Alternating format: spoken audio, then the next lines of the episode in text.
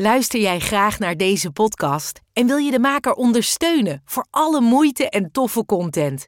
Geef dan, als je wat kan missen, een digitale fooi. Dat doe je via d.com zonder abonnement of het achterlaten van privégegevens. Dus d.com. Heb jij een dierbare in je omgeving waarvan je denkt of weet dat hij of zij te maken heeft met een verslaving? Of worstel je zelf met een verslaving? Dan ben je hier op de juiste plek.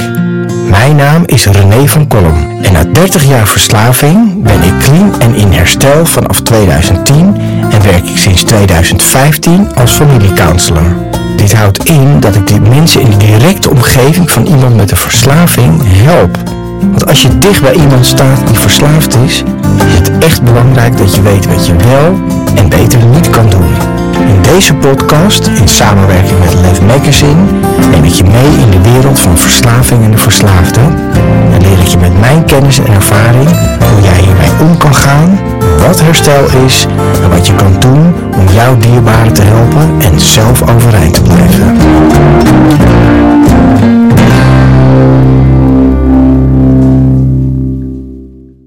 Lieve mensen, welkom bij een nieuwe aflevering van de podcast van Verslaving naar Vrijheid. Mijn naam is René van Kolm en heel fijn dat je kijkt en luistert naar deze aflevering. Ik ben bijzonder verheugd vandaag, want mijn gast is vandaag Bunny de Lima. En dat zeg je misschien niet direct wat, maar Bunny de Lima is iemand die ik heel hoog heb zitten.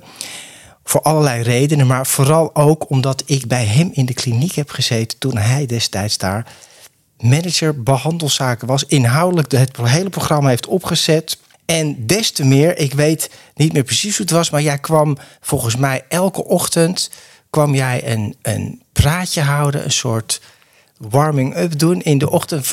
Door de week was dat volgens mij, klopt Het was uh, elke maandagochtend in ieder geval om tien uur. Oh, ik heb het uh, onthouden als elke dag, maar elke maandagochtend is ook goed. En toen kwam jij en ik weet niet meer wat je gezegd hebt. Ik zou het graag willen weten, zodat ik het aan andere mensen kan vertellen. maar je vertelde toen iets en je legde iets uit. Want waar het eigenlijk op neerkwam, ik was al jaren in verslaving, maar ik begreep er eigenlijk helemaal geen ene barst van. Hoe het nou eigenlijk precies werkt en wat het is. En jij vertelde iets wat bij mij zo resoneerde. Het was echt zoals je letterlijk zegt, dat kwartje. Het ging er hierin en ik voelde het echt, hè, letterlijk, zoals ik het zeg, helemaal over mijn ruggengraat. Het viel helemaal op zijn plek en het klopte helemaal. En nou ja, dat is heel bijzonder dat je dat gedaan hebt en dat je dat kan. En dat dat zo'n indruk heeft gemaakt. En, en sowieso die plek daar, ik vond het geweldig. Het was precies wat ik nodig heb. En ik ben clean en in herstel gebleven sindsdien. Dus dat is, daarvoor is heel veel gebeurd waar het niet werkte. maar daar werkte het wel. Hoe fantastisch is het, Bunny, dat ik nu in 20 juli, aanstaande 20 juli, ben ik 13 jaar clean en herstel. Vanaf 2010, 20 juli, toen ik dus bij jou zat. En nu zit jij hier in de podcast bij mij. Ja, ik vind het geweldig, uh, René. En het is echt een grote eer om hier uh, te zitten. En uh, ja, wat, wat verder met elkaar te praten. Ik, jij, jij, jij zei net over hoe dat kwartje viel. Ja. Nu kan ik me niet meer herinneren wat het was. Um, ik weet nog heel goed dat ik inderdaad elke maandag uh, ja, iets kwam vertellen over een thema. Of wat er op dat moment speelde. Of wat er in het weekend daarvoor uh, zich afspeelde op, in de kliniek of in, in, op, een van de andere afdelingen. Um, en wat ik in ieder geval altijd vertel is dat wie dan ook, iemand die zich erbij heeft neergelegd dat het uh, niet meer kan zoals hij of zij dat deed, mm -hmm. dat er altijd hoop is op een mooi leven. Altijd. En uh, als er iets is wat ik heel erg belangrijk vind, is uh, om mensen die hulp vragen, uiteindelijk die hulp vragen en accepteren, um, om die te vertellen um, dat er echt een mooi vooruitzicht is. Ja, nou ja, dat was iets wat ik op dat moment helemaal niet meer had. Ik had zo om en nabij 30 jaar serieuze hardcore verslaving erop zitten. En ik had wel een paar kliniekjes ervoor gehad en de nodige detoxen die natuurlijk ja, ook niet echt een behandeling waren. Maar ook het werkte allemaal niet, het kwam niet aan. Het grootste aandeel reken ik echt mezelf toe, uiteraard. Maar toch was er ook iets wat gewoon niet werkte. En ik weet Het was een Minnesota-kliniek, er werden twaalf stappen echt gedaan. En voor mij was dat ook echt een eye-opener, want daarvoor was het toch allemaal andere soorten behandeling of technieken. Maar ook dat hopeloze wat ik had toen ik daar kwam, was ik eigenlijk totaal. Er was, er was gewoon helemaal niks meer. Ik had eigenlijk geen leven meer. Er was eigenlijk geen hoop. Want het is natuurlijk best uh, gek als je nog hoop moet soort van opwekken. Uh, als het 30 jaar niet gelukt is, waarom zou het dan nu wel lukken? Ja, weet, mijn, mijn ervaring is het, en, en, en ik denk dat het bij jou niet anders is geweest. Uh, dat het niet om dat gevecht ging. Hè? Het is geen gevecht. Het is accepteren dat je die kwetsbaarheid hebt, je hebt die gevoeligheid uh, hebt. Um, en vooral, um, en dat doe ik tot op de dag van vandaag, um, mensen helpen om zich niet te identificeren met verslaving. Er zijn heel veel mensen die iets denken te weten en te, te, te, te vertellen, eh, te moeten vertellen over verslaving. Uh, uh, en uh, ik vind het ja, essentieel om mensen mee te geven dat zij niet die verslaving zijn. En dat mensen, want vaak is het zo dat mensen dan ook denken, en dat jarenlang, ik kan ook niet anders. En ik vind het eigenlijk een van mijn ja, uh, doelen kun je het niet eens zeggen. Een van, ik, ik denk ook echt dat het iets is wat, uh, wat ik in mijn eigen leven heel erg belangrijk vind. Om mensen te vertellen dat wat er ook gebeurt, hè, dat je bepaalde gevoeligheden hebt, mm. maar dat je wel degelijk gezonde keuzes kunt maken. Ja. je hoeft niet te vervallen in die oude patronen. je kunt er naar kijken. Je kunt kijken naar het resultaat daarvan, maar dat we met z'n allen ons best zullen doen om juist andere patronen te ontwikkelen. En, en dat wel degelijk dat een gezond leven mogelijk is. Ja, nou ja, dat, dat is ook zo. Dat, hè, dat, dat heb ik ook ervaren. Maar toch is het wel zo dat het, ehm, dat het gewoon heel lastig is. Hè. En nou ja, ik hoef jou helemaal niks uit te leggen te vertellen. Maar cijfers zeggen dat 40 tot 60 procent mensen na een behandeling gewoon terugvalt. ook, en mijn analyse daarvan, om het zo maar te zeggen, is ook dat vooral inderdaad, hadden we het net even over voordat de camera's en de microfoons aangingen, dat abstinentie nog het makkelijkste deel is. Dus dat vond ik al heel moeilijk, maar niet gebruiken of gokken of gamen wat het ook is, dat niet doen. Maar dan ben je er nog lang niet. Hè. Het, dat herstel, dat is waar het ook misgaat. Want mensen dat zo onderschatten. Verslaving wordt onderschat, maar herstel wordt nog veel meer onderschat. Ik zie nog steeds heel veel mensen, ook waar ik werk, die denken toch van... ik breng mijn kind naar een kliniek en nou, fantastisch. En dan komt het wel goed of zo. En dat gebeurt ook wel, maar dat gebeurt ook niet. Ja, het is... Um en het is misschien ook wel heel ingewikkeld, hè? Uh, omdat uh, in het begin van zo'n zo'n heel proces, omdat het dan al het daarover te hebben. Maar abstinentie niet gebruiken of niet uh, bepaalde dingen doen die je isoleren of die pijn doen en die, die verdriet opleveren. En, ehm, dat die dingen niet meer doen, dat dat een voorwaarde is uh, voor herstel. Ja. En nu is het, dat zijn allemaal woorden. Hè? Ik bedoel, dat is een ja. zin die ik zo uitspreek.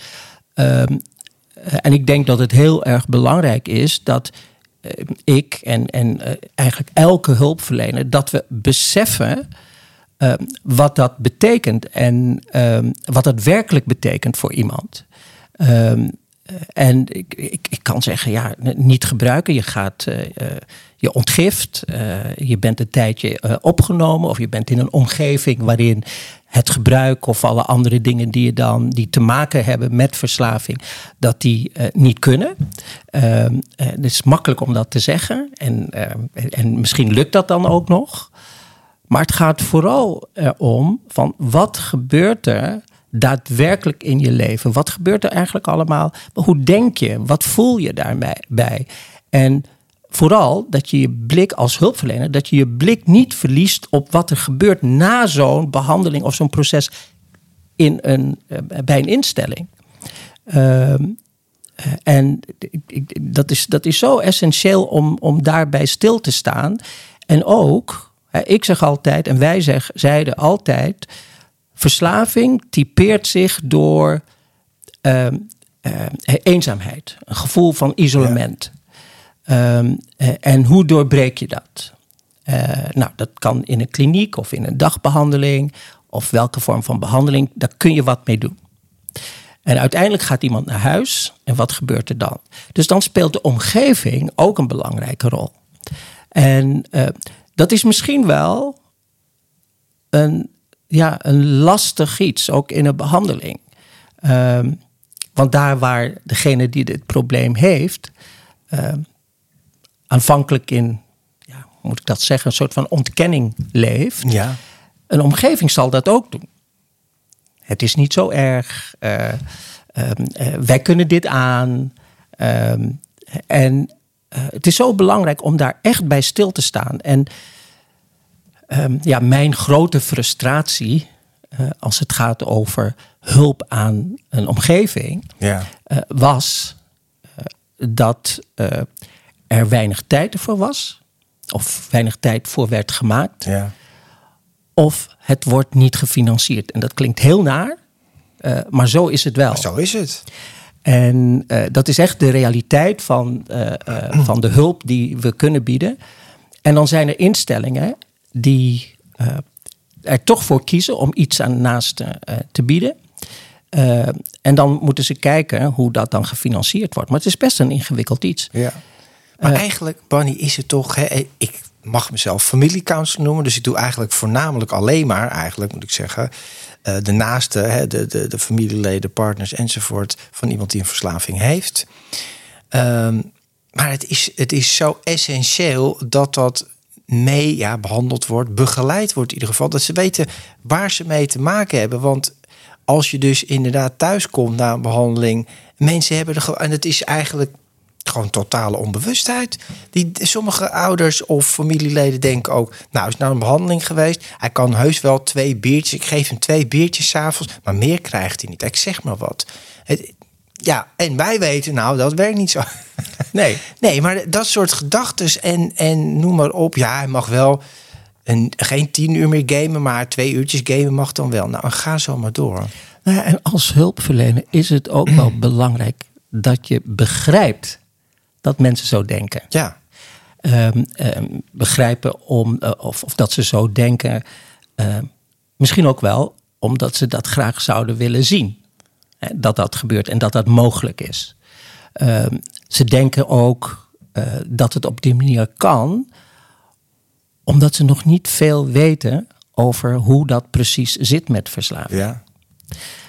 dat het inderdaad gaat over ja, alles of niets. Hè, die, die, machteloosheid. En, en dan hoe dat dan uh, resulteert in een onhanteerbaar leven.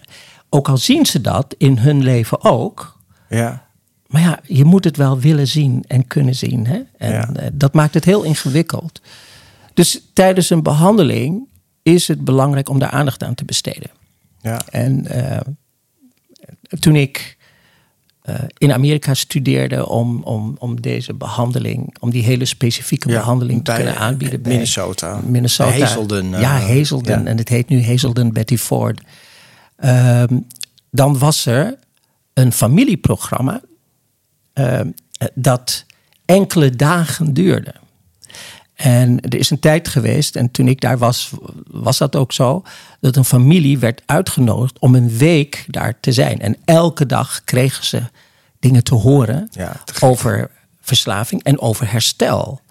En vooral over hun eigen herstel. Want dat was natuurlijk het spannende. Ja.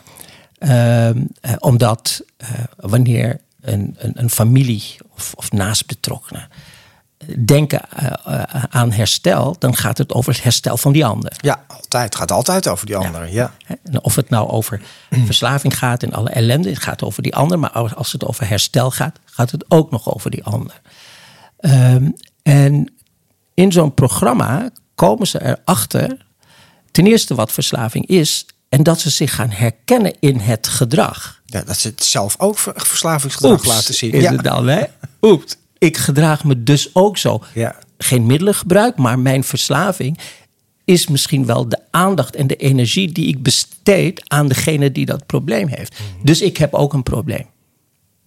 Ehm, en als ik niet meer voor die ander hoef te zorgen, of ik hoef niet meer dingen te regelen voor die ander, hoe zit het dan nu met mijn eigen leven? Eh, nou, dat eh, heb ik in Amerika meegekregen. En uh, toen ik terugkwam en die afdeling bij, uh, bij Jelinek mocht oprichten, ehm, hebben we ook een familieprogramma gehad. En dat was heel spannend. Ehm, want wat wij toen ook deden, was met de familie een groep vormen. Ja. Groepen vormen. En dan familieleden uit één familie uit elkaar halen. Dat was eng. Ja, maar dan konden ze hun eigen verhaal vertellen. En wat er altijd gebeurde, ook bij de, de en met name de vaders die dan heel stoer deden en, en wisten hoe ze dat uh, zouden moeten aanpakken. Ja, dan werd het toch heel gevoelig. En dan kwamen de tranen toch. Ja. Juist omdat ze zich herkennen ook in de verhalen van anderen. En dan beseffen, ja, uh, ik, uh, ik heb ook schade opgelopen. En ik heb daar wat te doen. Ja.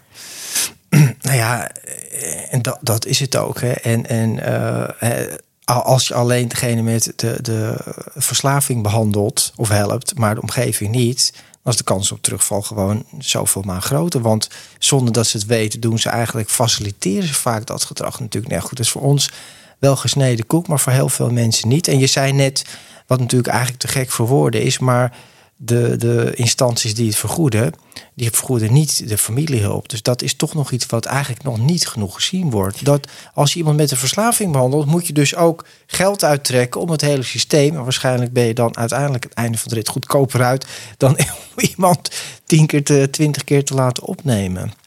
Ja, dat, dat is zo. Ik kan wel zeggen, zeg maar, eh, in de afgelopen jaren is daar wel steeds meer aandacht voor. Uh, verschillende instellingen die uh, hebben het ook over herstelondersteunende zorg.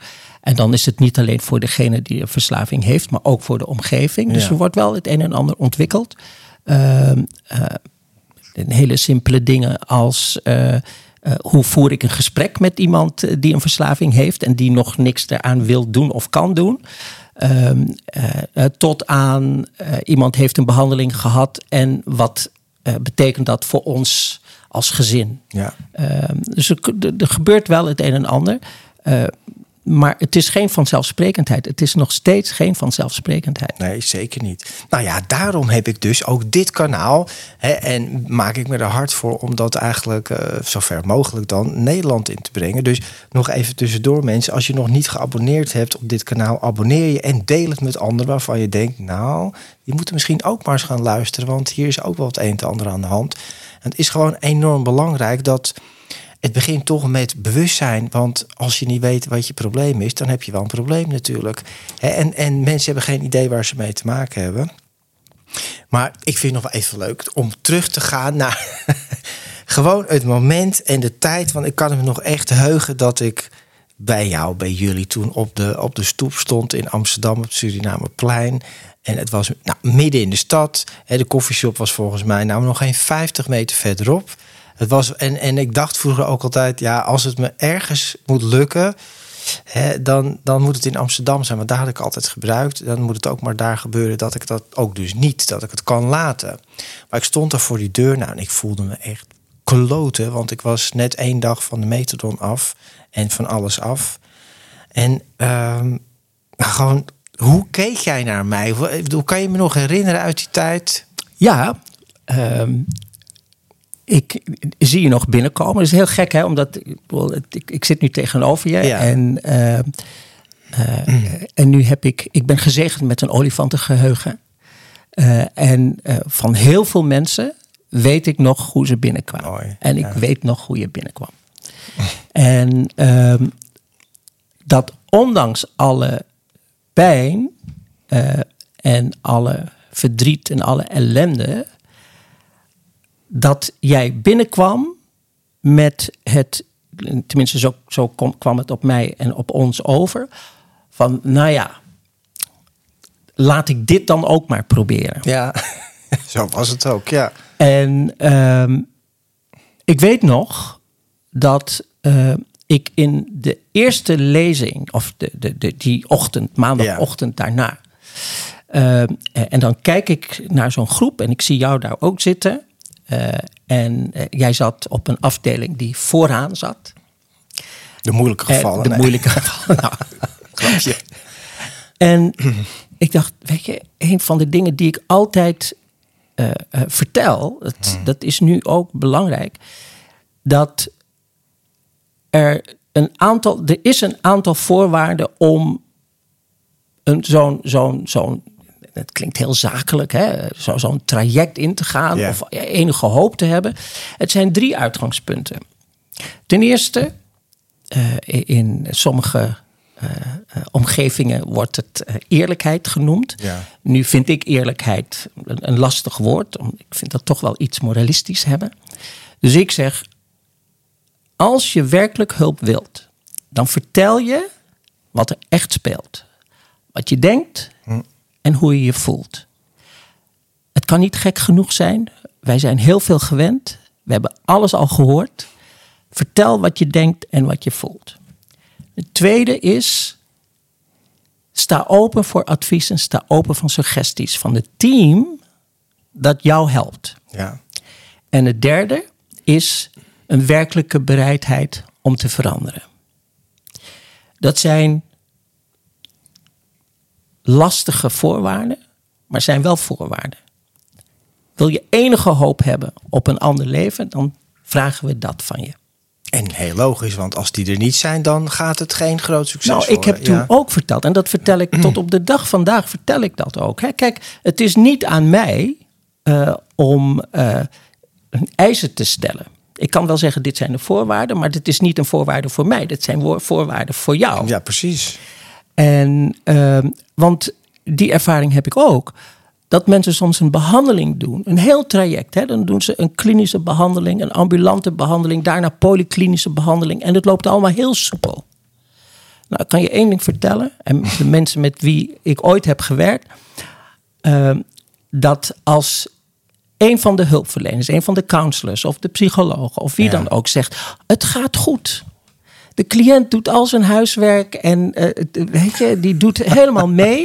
Ja. Dan zeg ik: Er is iets aan de hand. Dit- dit het kan niet zo zijn dat het allemaal zo soepel verloopt. Hè? Ehm, en mijn ervaring en onze ervaring is dan ook dat mensen daarna naar huis gaan en dat het dan vrij snel, ja, dat ze terugkeren naar het oude leven. En dan, dan, dan ja, terugkeren naar gebruik op de eerste Ja. plaats en dan, eh, ja, dan met alle gevolgen van dien. Maar ik hoor je eigenlijk ook zeggen, en als ik je mag aanvullen of onderbreken, dat, en zo kijk ik het ook altijd naar, het is toch een proces van brute eerlijkheid met jezelf. Dit hele herstellen van. Ja. En ik denk, nu terugkijkend, en ik kom even terug op jouw eerste vraag hè, over dat kwartje. En ik denk dat dat het misschien wel was.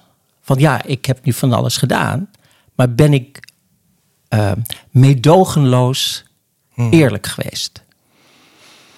En, want het woord meedogenloos heb ik, gebruik ik regelmatig. Ja. Niet alleen als het gaat over verslaving, het effect, de meedogenloze kracht van, van verslaving.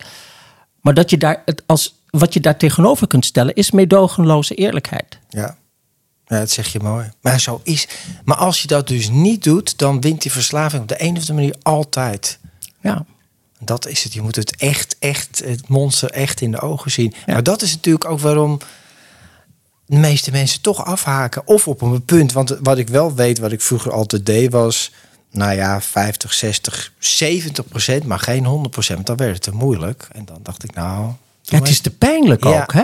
pijnlijk. En, en, en dan is het belangrijk voor mij persoonlijk, eh, als hulpverlener, eh, eh, ook dat weet ik van mijn team en de mensen met wie ik werk, om die compassie te hebben. En, en werkelijk, ja, ook weer zo'n woord, hè? maar werkelijk empathisch te zijn. Hè? Je kunnen, dat, dat kunnen invoelen. Ehm, Eh, en dat het niet alleen een kwestie is van weten, van studeren, van, van eh, theorie. Nee. maar je hebt iemand voor je. We, we, we omringen ons eh, met mensen die, die, eh, die heel gevoelig zijn. Ehm, en eh, om dat te beseffen. eh, Daarom is het ook zo belangrijk. Hè, mensen die, die, die vragen wel eens aan mij. En mensen die me van vroeger ook kenden. En die zeggen van, goh ja, je bent eigenlijk niet anders dan, dan eh, toen ik je leerde kennen. eh, toen ik bij jullie in behandeling kwam. Ik zeg ja, what, what you see is what you get. En dit, Ja. dit, ik, bedoel, ik zie eruit zoals ik eruit zie. Ik praat zoals ik er altijd Je praat. ziet er altijd heel hip En- uit trouwens. En ik ga me niet anders voordoen. Ja. Want dat werkt niet. Hè? Eh, het moet trucje zijn. Nee, het Nee. moet echt geen truc zijn. Dus je moet wel authentiek zijn ook. Ja. Hè? Dat is zo belangrijk. En mensen met deze gevoeligheid, deze kwetsbaarheid, die zijn ook nog gevoelig voor dit soort dingen. Als ik nou zou doen eh, en ik zou met iemand praten en die zou voelen, ja, ja, dit, is, dit, dit heb je uit een boekje geleerd. En eh, dit is een protocol. En eh, je volgt het protocol. Je wijkt daar niet van af. Ja, dat werkt dus niet. Dat werkt niet. Heel herkenbaar, ja. ja. hey Bunny, als ik even terugga naar jouw eigen leven... en dat vraag ik eigenlijk aan iedereen... eh, wat voor soort gezin kom jij? Was daar warmte, liefde? Werd er bijvoorbeeld gesproken over emoties? Of was dat niet zo? Ehm, ja, er werd gesproken over emoties. Maar dat is precies zoals je zegt. Er werd gesproken over emoties. en de emoties werden niet altijd getoond. Behalve boosheid, strengheid. eh, Had jij een strenge opvoeding? Ja, ik had een hele strenge opvoeding. Ja. Eh, Want jouw achtergrond is... ik ben Molux. Ja, En eh, mijn beide ouders zijn uh, Molux. Mijn ouders zijn in 1951 uh, naar Nederland gekomen. Mijn moeder als jong meisje met haar ouders. Mijn vader is meegekomen eigenlijk als vluchteling. ja. en ehm, ik ben opgevoed in een omgeving waarin een militaristische aanpak heel gewoon was. Streng. Uh, er werd gestraft. Uh, en nu heb ik het geluk gehad. Ik kom uit een gezin van tien kinderen. en ik groeide op als oudste van, het, van de kinderen. En ik kon gelukkig, kan ik achteraf zeggen, ik kon gelukkig goed leren. Dus als er al werd gestraft, dan. Mijn vader was daar heel voorzichtig in. Mm. Ja, dus uh, uh, ik moet voorzichtig met dat kind, mijn oudste zoon, moet ik voorzichtig mee omgaan. Hij kan goed uh, leren. Ja. Maar hij liet me wel weten: van ja, je kunt wel goed leren, maar ik ben hier de baas. dus zo eh, groeide ja. ik op. En ja, achteraf kan ik zeggen, ik ben blij dat ik opgegroeid ben in een groot gezin. Ik heb drie broers, ik heb zes zussen. En, um, en waarom? Uh, omdat ik merk nu dat we iets aan elkaar hebben. Ook al zijn er soms conflicten, ook al zijn er soms dingen die niet leuk zijn. Mm-hmm. Um, uh, onze ouders leven niet meer. Uh, en wij maken nu een punt van om eens in de zoveel tijd toch bij elkaar te zijn of te zoomen. En dan ja, het is heel bizar, maar zijn mensen die dat misschien herkennen. We kunnen uren met elkaar praten en het gaat nergens over. dat kan, maar het klinkt wel gezellig. Het is dan heel gezellig. Ja, en, en, en, en, en, het is heel gek, hè, want dan ja. zijn we drie uur aan het praten. En uh, we, we nemen ongeveer tien keer afscheid. en dan zegt iemand weer wat en dan gaat iedereen er weer op in. en de zwagers, ja. die liggen dan al lang in bed. En die zeggen, hoe bestaat het dat jullie zo vaak afscheid nemen en dan ben je gewoon nog een tijdje bezig. En dan is het ook nog zo, dan hebben we drie uur met elkaar gepraat en dat de volgende dag dan even wordt gebeld en dan ben je nog weer een tijd bezig. Ja, maar dat klinkt toch wel heel close en dat is wel een grote connectie. Dus Ja. die, dat was er wel. Dat is wel heel fijn. Ja, dat is fijn. En we merken dat met name nu we wat ouder zijn. Ja. En dat is, ja, dat maakt het heel bijzonder. belangrijk. Ja. Ja. Nou ja, goed. En, en uh, ik ken jou natuurlijk uh, ook buiten deze podcast en de kliniek. En ja, ik mag ook zeggen, jij bent zelf ook ervaringsdeskundige in herstel, zoals we dat dan mooi noemen. En we hadden het er ook even over van dat je zegt van... ja, maar abstinent zijn van middelen is toch wel heel iets anders... dan in herstel zijn van. Kan je daar iets over vertellen als het over jouzelf gaat? Ja, ik ehm, eh, in 1993 ehm, door ja, allerlei omstandigheden. Mijn leven zag er echt niet zo leuk uit. Nee. Eh, ook al had ik een leuke baan en eh, nou ja, ik had vrienden. Was het Eh, toch chaos? Mag was er toch chaos? Ja. Ja, absoluut. Was er toch chaos. Maar ehm, zoals het dan gaat, het- erkennen van die chaos kwam pas veel later. Hè? Maar in 1993 was ik gestopt met alle middelen. Ik, ik, ik gebruikte helemaal niks meer, inclusief tabak. Ehm, Dat lukte jou eh, zelf om dat echt te stoppen? Dat lukte om, om te stoppen. Uh, maar ik merkte, uh, en ik was me daar pas jaren later van bewust, dat mijn leven toch, dat, dat, het klopte niet. Ik deed soms dingen waarvan ik denk van, hoe kan dat nou? Hè? Dat ik daar dan niet mee kan stoppen, terwijl het toch schade oplevert en het is voor mij niet prettig. Ik heb een periode van diepe uh, depressie gehad, mm. twee keer. En um, heel onprettig. Uh, fysiek ook uh, ja, niet fijn. Dat is heel onprettig. En uh, de dagen dat ik uh, in bed lag en geen zin had om eruit mm. te gaan. En als ik dan naar buiten ging, zonnebril op, ongeschoren. Met het idee dat niemand mij herkent. Hè? Ja, nou, ik herken dit wat jij zegt, ja. En um, op een gegeven ogenblik um, dacht ik, ik moet hier wat aan doen. Ik heb toen gebeld met de verslavingszorginstelling. En degene die ik sprak, en ik ben haar eeuwig dankbaar voor, mm. die zei: Je moet helemaal niet in behandeling gaan. Ik weet, ik heb een telefoonnummer van iemand die regelmatig met anderen uh, bijeenkomt. En volgens mij zal dat heel erg bij jou passen. Mm. En die gaf me het nummer en ik, dat nummer herkende ik. En ik dacht: Hé, hey, dat is die en die en die. Oké, okay, laat ik hem maar bellen. En ik belde en hij zei, het eerste wat hij zei, het werd tijd. Want ik had hem al een paar keer komen, ontmoet ja. in Amsterdam. Was ik Ja. op de fiets en hij eh, ook. En ik kwam hem tegen en dan vertelde hij over een groep mensen die hij, tegen, eh, die hij regelmatig spreekt. En hij zei, misschien is dat wel wat voor jou. Je en ik dacht, ja, meeting. ja, ja. Een meeting, Ja. En ik dacht, ja, het zal wel. Ja, het zal wel. En eh, nou ja, dus toen ik hem sprak en hij zei van het werd tijd. Ik weet nog heel goed dat ik toen eh, naar hem toe eh, ging. Hij woonde aan de Prinsengracht. En ehm, eh, ik ben die trap opgeklommen en ik dacht van, oh, wat doe ik hier? En eh, we spraken met elkaar en hij zei, weet je wat? Morgen ga ik naar een meeting van een zelfhulpgroep. En ehm, ik neem je daar mee naartoe. En nou, die maandagavond in december 2001 eh, ging ik naar mijn eerste meeting. En ik kwam daar Dus was je al zeven jaar eigenlijk Acht clean? jaar. Acht jaar clean. acht jaar clean. Dus vanaf eh, 26 oktober 1993 Ja. tot 3 december 2001. Abstinent zijn, maar nog steeds een chaotisch leven. En, eh, eh, en ik, kwam naar mijn, ik ging naar mijn eerste meeting. En ik voelde een rust komen en ik dacht van ja,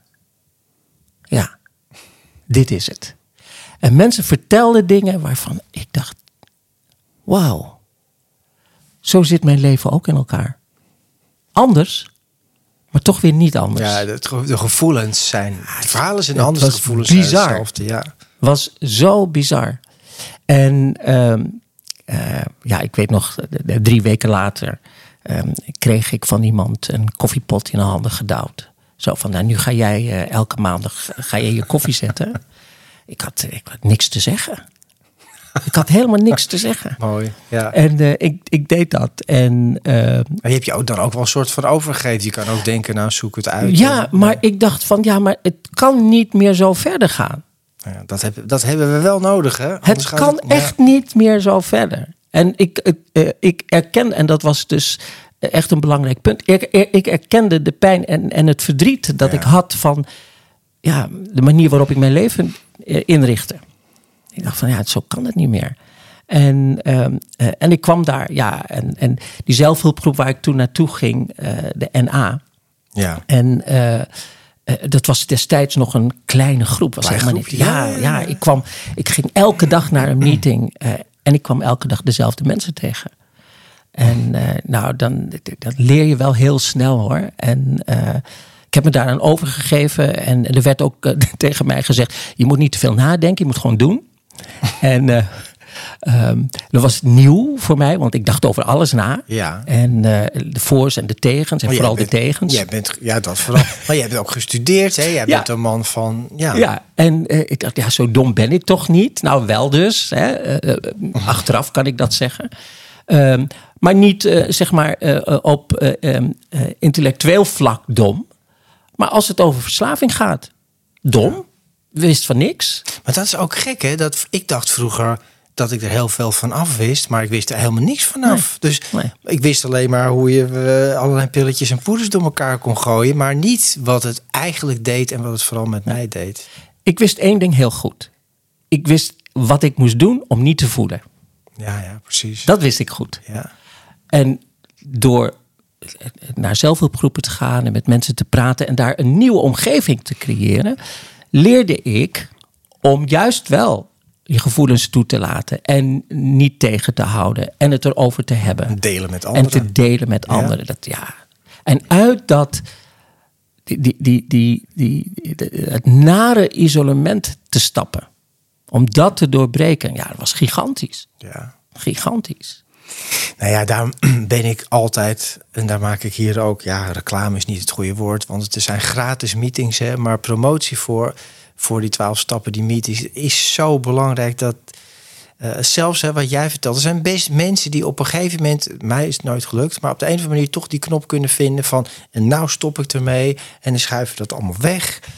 Maar de reden waarom je ooit bent begonnen met gebruiken, die zit er nog steeds. Daar, daar, als je dat niet, dan word je of heel zagrijnig of vervelend of, je, of cross-addiction. Je gaat toch iets anders doen. Dat zie je ook heel veel dat mensen dan een andere verslaving weer oppakken. Ja. Nou ja, dat was bij mij, zeg maar, in die periode dat ik geen middelen gebruikte. Ja. Dat was het geval.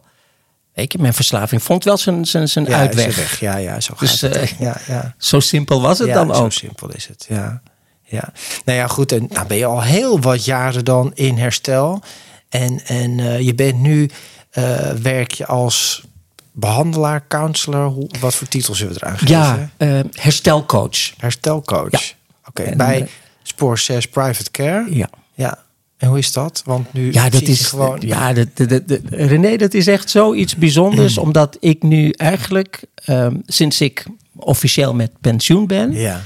Doe ik nu eigenlijk alleen maar dingen die ik leuk vind en die ik belangrijk vind. Dat is ook het doel van pensioen, toch? Is, ja. ja, maar ja. weet je, toen, toen uh, uh, ik een gesprek had uh, met iemand vlak voor mijn pensioen en die me vertelde, ja, we moeten het daarover hebben. ik schrok. Ik denk, hè? Hoezo? Pensioen? Wat betekent dat? Oh, ik moet een hobby hebben. Um, ik, want als ik geen hobby heb, uh, dan um, ga ik op de bank zitten en ik ga uh, naar series kijken. En ik ga dan heel langzaam dood. En um, ja, dat, dat idee ja. had ik. En, en toen kwam iemand op het idee van, van, de af, van een van de afdelingen communicatie. En die zei van weet je, misschien is het een idee om een interview met jou te doen in het Parool. En ik dacht, wie is daar nou in geïnteresseerd? Nou, heel veel mensen, Barney. Nou ja, ja, dat was ook misschien, nou ja, geluk, ik weet niet hoe je het noemen moet, uh, wilt, maar... Um, Hogere. Uh, ja, en, en het was in de tijd van corona, dus er was ook niet heel veel uh, ja. nieuws. En toen kwam er een interview, daar waar ik het idee had, dat is een kolom of iets in de, ja. weet je. En toen werd ik gebeld en kan jij even kijken naar dat interview? En schrik niet. Oh, zijn er drie regels geworden? Nou, zeg maar drie pagina's geworden. Ik zeg, wat? Zoveel? Dat kan toch niet? Nou, dat is dan toch uiteindelijk zo gekomen. En dat was voor veel mensen een aanleiding om contact met mij te zoeken. Mm. Je hebt dus straks tijd. Ja, en, en zo heb ik kennis gemaakt uh, uh, met uh, Mirjam Diekman van Spoor 6. En die zei, zou je het leuk vinden om cliënten die in relatieve anonimiteit een behandeling willen doen, niet naar een instelling willen. Mhm. Mm -hmm. en die allerlei redenen hebben om het op die manier te doen, zou je dat willen? Ik zeg, nou, ik, ja, ik wil het wel proberen. Het lijkt me hartstikke leuk. En uh, ja, ik, ik had een gesprek met, eh, met Mirjam en de volgende dag, nee, die avond belden ze me op. Ehm, er is misschien wel een cliënt nu. En heb je zin om met mij morgenochtend er naartoe te gaan? Dus ja, dat. En ehm, eh, ja, ik geef ook les eh, via Elsden Ja. training bij eh, Meino de Vries. En een gesprek met hem, kennismakingsgesprek. En dat, ik dacht van nou, een uurtje gesprek. En we hebben geloof ik drie, vier uur met elkaar gepraat. Ja, en vervolgens zit je... en je- vervolgens, ja. ja. Ja, maar jij hebt zoveel ervaring. Hè? Het is wel grappig dat. Ik denk niet dat jij jezelf ziet zoals anderen jou zien. Want ik kijk echt tegen jou op. Bunny de Lima, dat is toch wel een soort fenomeen. Voor mij wel. hè. Je hebt voor mij zoveel betekend toen. Maar gewoon door de echtheid van jou. Ja, gewoon hoe je bent. Maar ook van je herstel en van je kennis. En hè, als je dit werk doet, echt vanuit je gevoel en je hart, dan komt het ook over. En mensen voelen en zien dat. En het is bij mij in ieder geval zo gelukt en, en nog steeds. Maar het is toch fantastisch dat je zoveel ervaring ook nog kan delen met anderen en, en mensen daarmee kan helpen. Heb je enig idee, sta je er wel eens bij stil, hoeveel mensen je misschien op weg hebt geholpen? Nee, nee. En, en het, het gekke is dat nu ik een tijdje ben gestopt eh, met ehm, eh, nou ja, dat, dat vroegere werk, dat ik nu wel eens mensen tegenkom. En ehm, als eh, eh, mijn man en ik eh, door de stad eh, fietsen of, of lopen. En, en dan hoor ik plotseling mijn stem, eh, mijn naam Ja. roepen. En dan denk ik, oh. En ik zeg dan tegen hem van, dan kan het bijna niet anders zijn dat het een voormalige cliënt is met wie het goed gaat. Ja. En mensen willen het ook laten weten. Ja, en natuurlijk. ja, als er iets is, René, echt, dat, ja. dat ontroert me altijd. En, dan, het- en het- is iets wat ik, ehm, eh, wat ik regelmatig eh, zeg en ook zo voel. Ik voel me dan zo nederig. Zo van jeetje, dat, dat ik een passant ben geweest in het leven van iemand. En, ehm, en dat ik me ook heel erg van bewust ben dat als iemand daadwerkelijk zijn of haar herstel oppakt, dat het of zijn of haar verdienste is. Is ook als zo. iets, ik, dat, dat heb ik in Amerika meegekregen van een, een, mijn supervisor die ik enorm bewonder. En die heeft me dat zo meegegeven van let hierop. Hè. Ehm, Ja, en- ja, je kan niet iemand in herstel krijgen. Nee, dat, Nee. nee, dat gaat niet. Nee. En dat is dus zo mooi om dat te merken. Ja. En ik maak dat, en dat is, ik weet niet waarom en hoe dat dan kan. Maar juist de laatste tijd maak ik dat regelmatig mee dat ik ergens ben. En dat iemand zich omdraait en zegt: Weet je nog wel? En nou, wat ik eerder zei, en ik heb dan ook nog een olifantengeheugen. En dat ik dan vaak ook een naam weet. En dat is dan, ja, dat is echt zo bijzonder. Ik heb helemaal, ik heb geen eens een olifantengeheugen. Ik heb bijna helemaal geen geheugen meer. maar goed, ja. Maar het is fantastisch, toch? Het is zo fijn. Ja. En, en, en, eh, en dat dan ook mensen ehm, eh, het zelf ook weer doorgeven. Hè? Dus door, de, door- Ja, dat is het hele. het, is, het is fantastisch. Ja, want jij zei toen ik ooit naar een meeting ging, heel lang geleden. Toen waren er een heel klein groepje mensen, een paar meetings. Dat weet ik ook nog wel, dat ik dat gehoord heb. Zo, ik ben er vanaf 2010 bij. Maar nu, ik heb gehoord dat er zijn ongeveer 80 meetings per dag al in de stad. Hè. Het is gewoon bizar. Dus je kan op elk moment, mensen, als je denkt, er is, ik weet niet waar ik naartoe moet. Pak gewoon een meeting. Kijk gewoon op Google. NA-meeting, AACA. Nou, ga zo maar door. Eh, en door heel Nederland trouwens. Kan je gewoon een meeting, het kost niks. Je stapt gewoon binnen. En er zitten waarschijnlijk mensen die jouw verhaal heel goed begrijpen. Maar die ook zo'n verhaal hebben. Ja, dat werkt natuurlijk altijd al geweldig. Hey, en nog even naar het hier en nu. Nou ja, jij werkt nog steeds. En ik ook. En eh, wat ik wel zie. En volgens mij lopen de, de instituten een beetje achter qua cijfers. Maar ik zie dat het wordt wel steeds erger. En het wordt steeds jonger en het wordt steeds extremer. Zie jij dat ook? En, en waarom zou dat zo zijn? Eh, nou ja, de, de tijd van de, de, de pandemie, hè, sinds 2020, Ja. 2019, 2020, niet per se heeft geholpen. Ehm, dat heeft juist dat eh, dat isolement heel erg eh, gestimuleerd, Ja. heel, heel pijnlijk. Eh, mensen die. eh, en en wa- wat ik, wat ik echt. Ja, dat doet me oprecht pijn. Als ik zie hoeveel jonge mensen, met name, hè, jonge precies. mensen hieronder lijden. En ik eh, voorzie, als, als we daar met z'n allen daar niet genoeg aandacht aan besteden, dan zie ik dat. op niet eens hele lange termijn zie ik daar ernstige gevolgen van. Hè? Mensen die, die ehm, zichzelf niet meer ehm, eh, ja, zeg maar dat gevoel van eigenwaarde, dat dat heel erg beschadigd is. Eh, mensen die eh, niet uit, uit die eenzaamheid eh, komen, eh, niet meer weten en niet meer hebben geleerd hè, in een periode waarin ze opgroeien en, en volwassen worden, om met, met emoties om te gaan op een gezonde manier.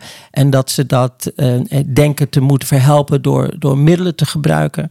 Ehm, eh, en, en dan is het ook nog zo dat eh, de ontwikkeling, als het gaat over de middelen zelf, hè, dus wat er allemaal geproduceerd wordt, Ja, dat is en, en is echt ja, werkelijk waanzinnige ontwikkeling.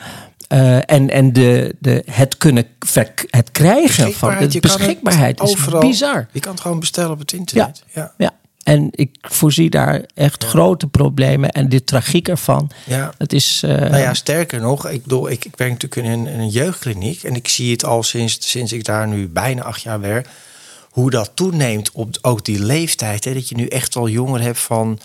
Terwijl je denkt, ja, kan dat wel? Maar van 15 die al echt een vet verslavingsprobleem hebben. En echt zo'n waslijst van middelen al achter hun Ja. kies hebben. Niet een keer om te experimenteren, maar gewoon zoveel keer in de week. En dan nog blowen erbij. En, maar het is natuurlijk onderliggend allemaal dat gevoel van wie ben ik? Waar gaat het allemaal over? Eigenlijk toch eh, een soort spirituele tekortkoming en niet kunnen vinden van aansluiting, verbinding, eenzaamheid. Het wordt steeds moeilijker. Ja, nou ja, ik.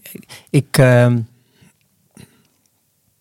ja, het ontroert me altijd weer. Ja. En eh, ehm, als ik eh, eh, weet, ook als ik terugkijk op mijn eigen leven, hè, hoe, hoe dat gevoel van eenzaamheid, hoe, hoe naar dat, eh, dat is.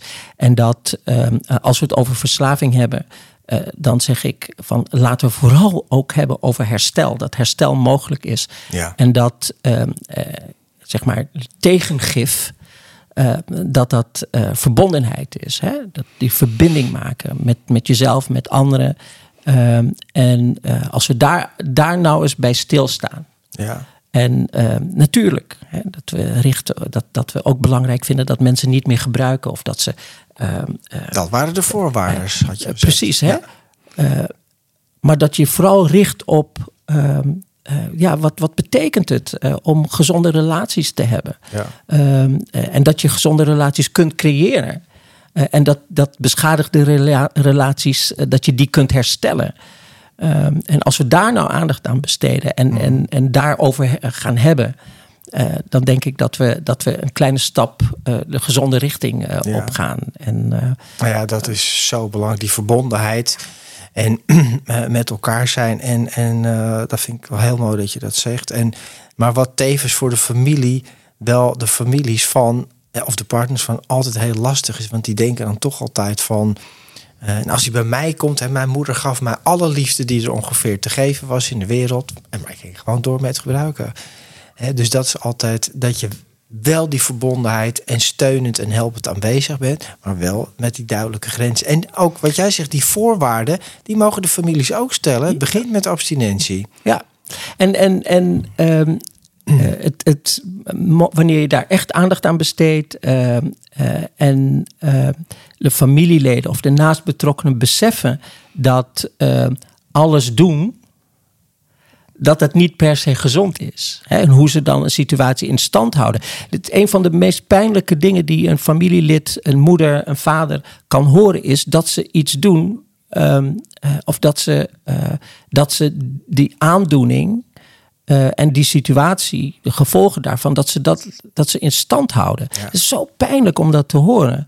Ehm, en ehm, ik, zo vaak heb ik, hebben we dat gehoord, heb ik dat ook gehoord. Hè? Van, ja, je, je verwacht toch niet van mij dat ik mijn kind op straat zet? Ja, die kennen ja. Ja, nou dat verwacht ik niet. Hè, Dat verwacht, ik verwacht dan helemaal niet dat je dat doet. Maar wat ik hoop is dat je gaat inzien dat de keuzes die je nu maakt, dat, dat die keuzes uh, geen verandering teweeg brengen. Nou ja, laat ze daar maar eerst bij stilstaan. Laat daar maar eens mee beginnen, ja. ja. ja. En dat zijn hele pijnlijke dingen. Maar ja, laat, ervaar die pijn maar eh, eerst. Hè? En, en voor hulpverleners is dat ook om dat geduld daarbij te hebben. Ja. Ik bedoel, het is net zoiets als iemand die al jaren gebruikt, dan kun je ook niet verwachten, zo het wordt niet plotseling allemaal heel anders. En datzelfde geldt voor naast betrokkenen. Het wordt niet allemaal in één keer anders. Ook dat is een proces, ook dat kost tijd. En wees geduldig daarin. Ja. En, uh, ja. Mooi.